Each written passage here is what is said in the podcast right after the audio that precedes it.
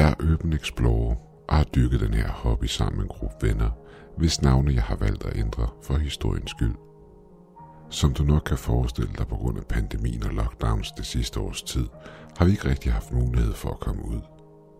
Men langt om længe og en del ventetid senere kom tidspunktet, hvor vi endelig kunne komme ud igen.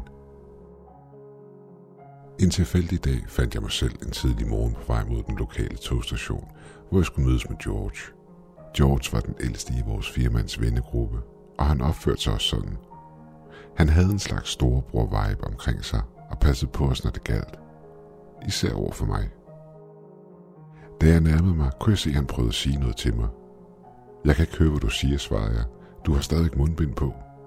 Teknisk set var det stadig påkrævet at bære mundbind, men folk var blevet mere afslappet, når det kom til reglerne.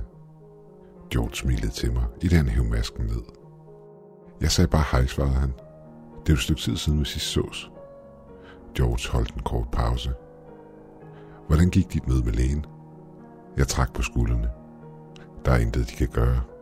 Jeg snakkede med en anden læge sidste uge, og han gav mig samme besked. Det er jeg ked af at høre, svarede George. Men i det samme lyste hans ansigt op, da han så nogen komme op bag mig. Jeg vendte mig rundt og så Jack. Hvis George var den ansvarsfulde storebror, så var Jack den yngste og den, der altid lavede rav i den. Han havde forsøgt at snige sig ind på mig, men nu hvor han var blevet opdaget, prøvede han at opføre sig normalt, hvilket ikke virkede. Jack gik hen og stillede sig ved siden af George, så jeg kunne se dem begge. Der er gået et år siden sidst, og du laver stadig de samme numre, sagde George med en opgivende stemme. Hey, hun kan da godt tage en joke, svarede Jack med et smørret smil. Du ved med alt det, hun er gået igennem. Hvorfor så vælge at gøre sådan noget, spurgte George. George var en smule højere end Jack. Hans sorte hår havde lyse striber i, der fortalte os alle sammen, at han havde lidt mere erfaring end resten af os, hvilket resulterede i et hårdt blik fra ham, når han prøvede at være seriøs. Jacks ansigt var mere munter, men visnede væk under Georges blik. Beklager, sagde Jack, og gav mig en undskyldning. Det er okay, svarede jeg. Jeg foretrækker, at du opfører dig på samme måde, når vi er sammen, som du gjorde før. Mary kommer som sædvanligt for sent igen, sukkede George dybt. Mary var den anden pige i vores lille vennegruppe. Hun havde det med at komme for sent. Tit og ofte var det enten fordi hun sov, eller også fordi hun var i gang med at lægge makeup. Hun var for det meste bit af Urban Exploration, fordi det gav hende muligheden for at uploade billeder til hendes Instagram og blogge om oplevelserne. Hun var en nem person at omgås, men hun havde det til tider med at være lidt af en drama queen. Jack hævde smøg frem og begyndte at ryge, hvilket irriterede os. Undskyld, sagde Jack hurtigt. Han var stoppet for syv år siden. Han så på os. Jeg blev en smule stresset over hele lockdown-situationen, sagde han, og inden jeg vidste af det, var jeg begyndt igen, hvilket var virkelig dumt. Jeg ved det. Men jeg prøver at stoppe igen, hvilket er en smule hårdt. Mary ankom 15 minutter senere, lige tids nok til, at vi kunne nå det tog, vi skulle med. Hun havde lysblondt hår og var ganske pæn at se på, hvilket nok forklarer hendes Instagrams popularitet. Hun var iklædt tøj, der ikke helt var designet til det, vi skulle. Måske håbede hun på et par gode billeder, men det var ikke helt upraktisk. Hun kom med en undskyldning omkring trafikken havde været et helvede, hvilket fik os til at rulle med øjnene, når hun ikke så det. Selve togturen var virkelig sjov. Selvom jeg havde prøvet at holde kontakten med alle under pandemien ved at hoppe online, var det ikke helt det samme. Især når man tænker på videokvaliteten på Zoom. Turen varede i alt tre timer. Mary faldt i søvn, og Jack prøvede at tegne hende i ansigt med en spritus. Nøgleordet her var prøvet. For Mary vågnede og nøs ham op i ansigtet, hvilket fik os alle til at bryde sammen med grin, på nær Jack, der gik i panik. I det tilfælde, at du undrer dig, så var Mary ikke syg. Det var bare hendes allergi, der spillede op. Da vi stod i toget, havde vi cirka en times gåtur foran os. Vi kunne have taget en taxa, men George ville strække benene, hvilket gav meget god mening efter al den tid, vi havde været tvunget til at være indenfor.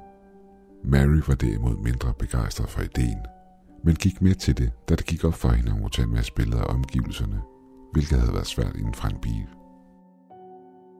George så op på solen og sagde, lad os gøre det her, inden solen går ned. Han sagde det sikkert for min skyld, men jeg forsikrede ham om, at jeg havde en lomlygte med, hvis det skulle nå at blive mørkt, inden vi var færdige. Stedet, vi skulle til, var en gammel forladt farm. En del var faldet sammen, men Jack forsikrede os om, at det var sikkert, hvilket ikke var den store trøst. Hvilket historien om stedet Jack fortalte os heller ikke var. Historien går på, at den familie, der boede der, døde under mystiske omstændigheder, fortalte han. Og et par år senere, da en ny familie købte stedet, døde de også under mystiske omstændigheder inden for en uge, efter de var flyttet ind. Og så er der historien om de to mænd, der Stop det nu, svarede George. Jack havde for vane at fortælle os, at hver eneste sted, vi besøgte, var hjemsøgt. Mest af alt for Freak Mary ud. Men han svor dengang, at det var en sand historie, og det ikke var noget, han fandt på. Vi brugte lidt af tiden på at udforske området omkring farmen, hvilket var ganske smukt. Da området udenfor var klaret, og solen var på vej ned, besluttede vi os for at bevæge os indenfor. Der var ikke rigtig noget uhyggeligt over stedet, andet end det vores fantasi fandt på. I det mørke begyndte at falde på, sørgede Mary for at få så mange selfies som overhovedet muligt. Og som altid sørgede George for, at vi ikke vandrede for langt væk fra hinanden, da det kunne være farligt.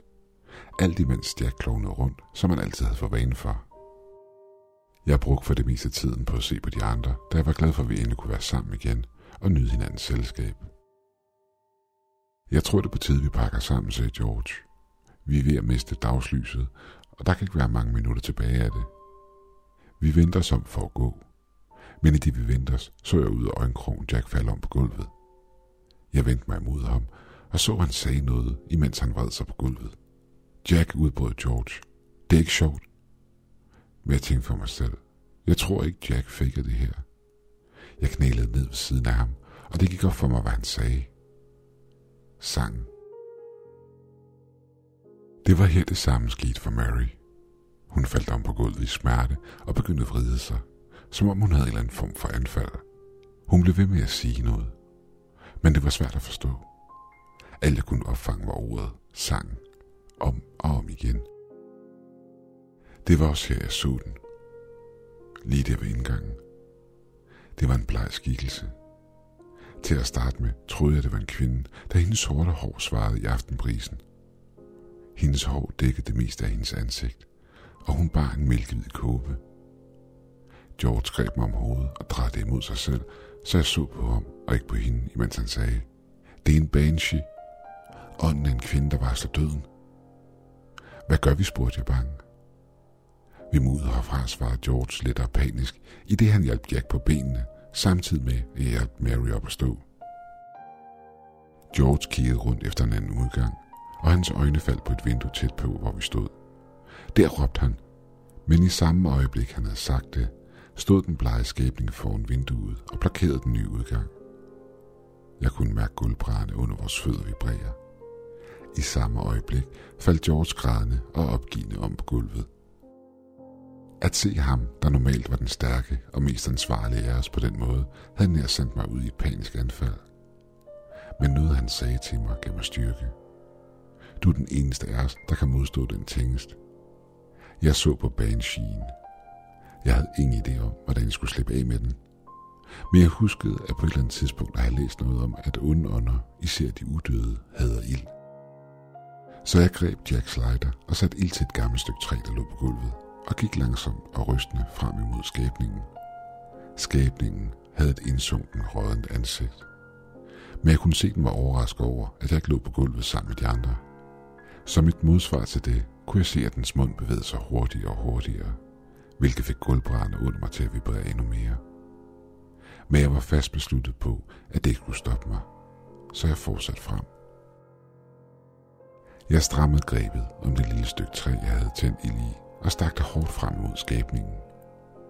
Ilden fik fat i noget af væsenets hår, inden det bredte sig og omsluttede den helt.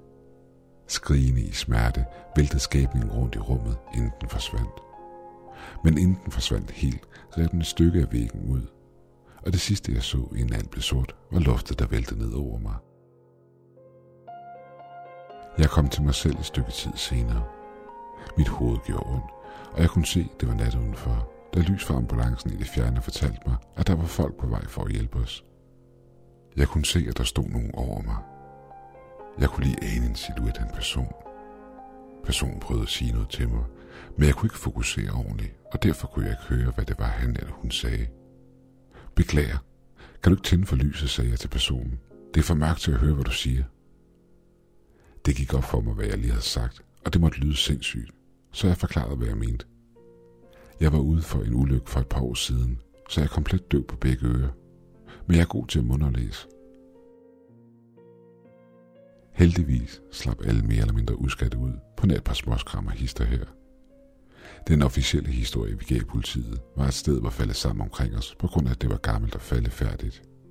Ingen af os sagde noget om, hvad der virkelig var sket. Så igen, de ville ikke have troet på det. Jeg fandt senere ud af, at en af vennerne i gruppen havde set billeder af døden i samme øjeblik, de havde hørt sangen. Ikke bare billeder af dem selv, men af familiemedlemmer og venner. Det havde overvældet dem, og de havde ikke kunnet gøre andet end at lytte til sangen, selvom sangen i sig selv havde været smertefuld at lytte til. Mary beskrev det som at have migræne, bare tusind gange værre, hvilket hun var bekendt med, da hun havde døjet med det tidligere. Det gik op for mig, at hvis de havde lyttet til sangen meget længere end de gjorde, ville de have været døde nu. En banshee siges at være et forvarsel til døden. Men jeg tror, den vi stødte på ved den faldefærdige farm, var mere ondskabsfuld end normalt. Den ønskede ikke bare at varsle os om døden, men at fange os på stedet og tage vores liv. Jeg ved ikke, om det er branden slog den ihjel, eller om det betyder, at mine venner er uden for fare. Men så igen, de virker til at have det fint nu. Min hørelse er stadig den samme, som den hele tiden har været. Dog er jeg mindre ked af min situation nu. For havde det ikke været for min manglende hørelse, var vi aldrig sluppet ud i live. Det eneste råd, jeg kan give jer her er, vær forsigtige. Især når du udforsker forladte steder. Man ved aldrig, hvilke ting, der lurer i mørket i de gamle og glemte steder, der findes rundt om i verden. Måske Måske kan det være grunden til, at mange af disse steder er forladt.